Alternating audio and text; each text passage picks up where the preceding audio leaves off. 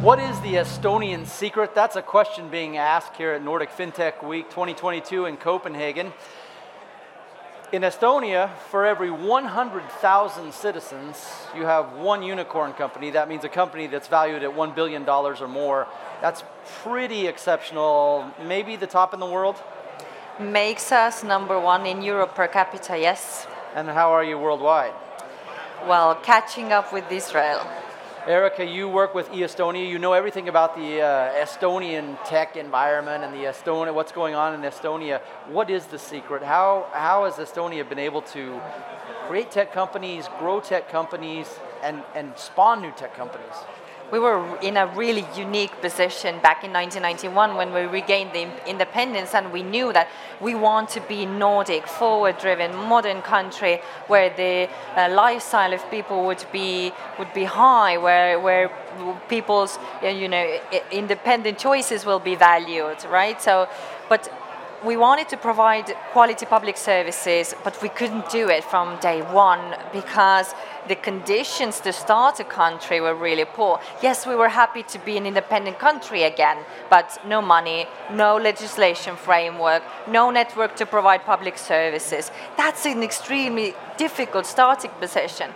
So we decided to, in order to provide um, the, the quality public services in, all over the area of Estonia. We decided to be digitally first and, and went, go with this strategy.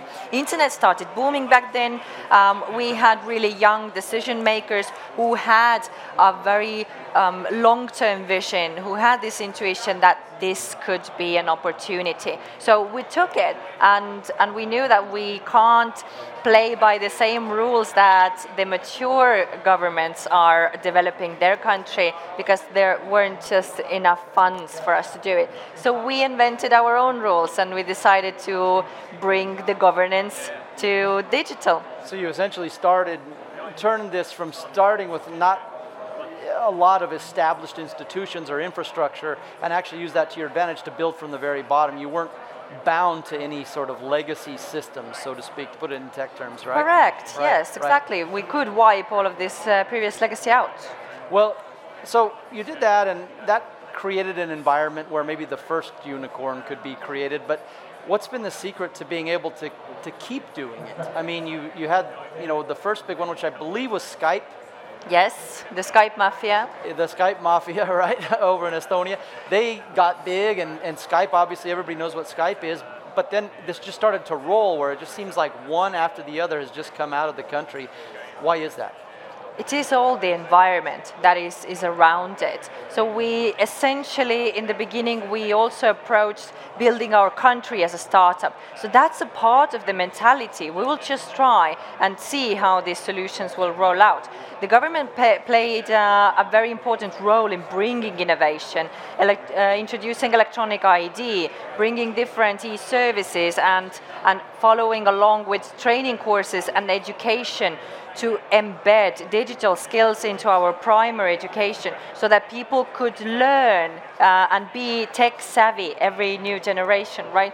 So, so are kids getting like programming from primary school? Or yes, it looks like a game, but actually they are digital skills. They, it is programming, it is robotics um, in a very fun way. So this equips people with, um, with the modern 21st century skills that we need right now in order to succeed. So these have been the couple of strategic, very correct decisions that Estonia took from the government level which now having almost all the public services available digitally, it is an enabling environment. We are also very aware that we are a small country, so we are not a big manufacturer of anything, but we want to grow our economy. So how do we do that? Through tech and services. This is our industry. So what about like things like those, like access to capital and uh, access to talent? Um, we hear a lot of times in other Nordic countries that these are these things hinder companies from getting big because there's just not the same amount of capital as is in places like the United States, England, other parts of Europe. Um, how does that work? Like, how do companies get venture capital? How do they grow?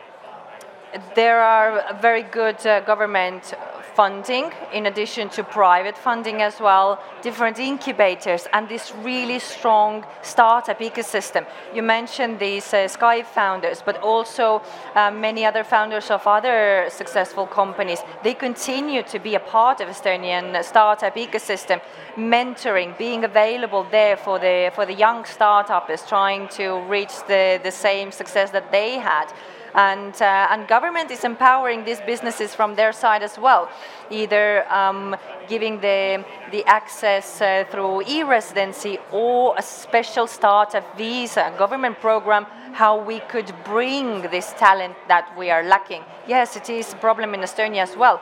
We possibly we are lacking 50,000 specialists related to all kind of ICT fields. So we, as we are a very small nation, we need to understand that we need to bring this talent from somewhere because we don't have it enough.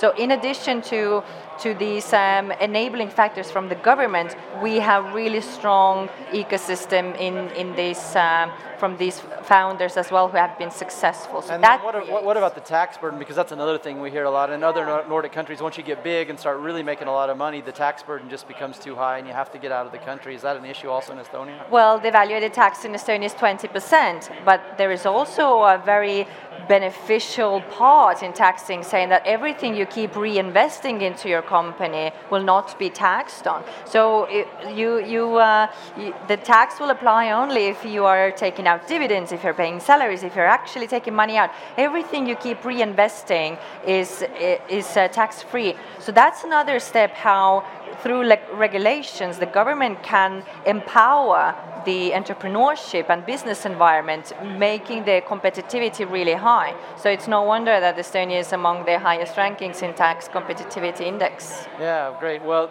some good points there, and uh, Erika, thanks for sharing some of the Estonian secret with us. We'll uh, keep an eye on Estonia, and good luck. We hope you get to number one in the world with unicorns. Thank you. Thank you.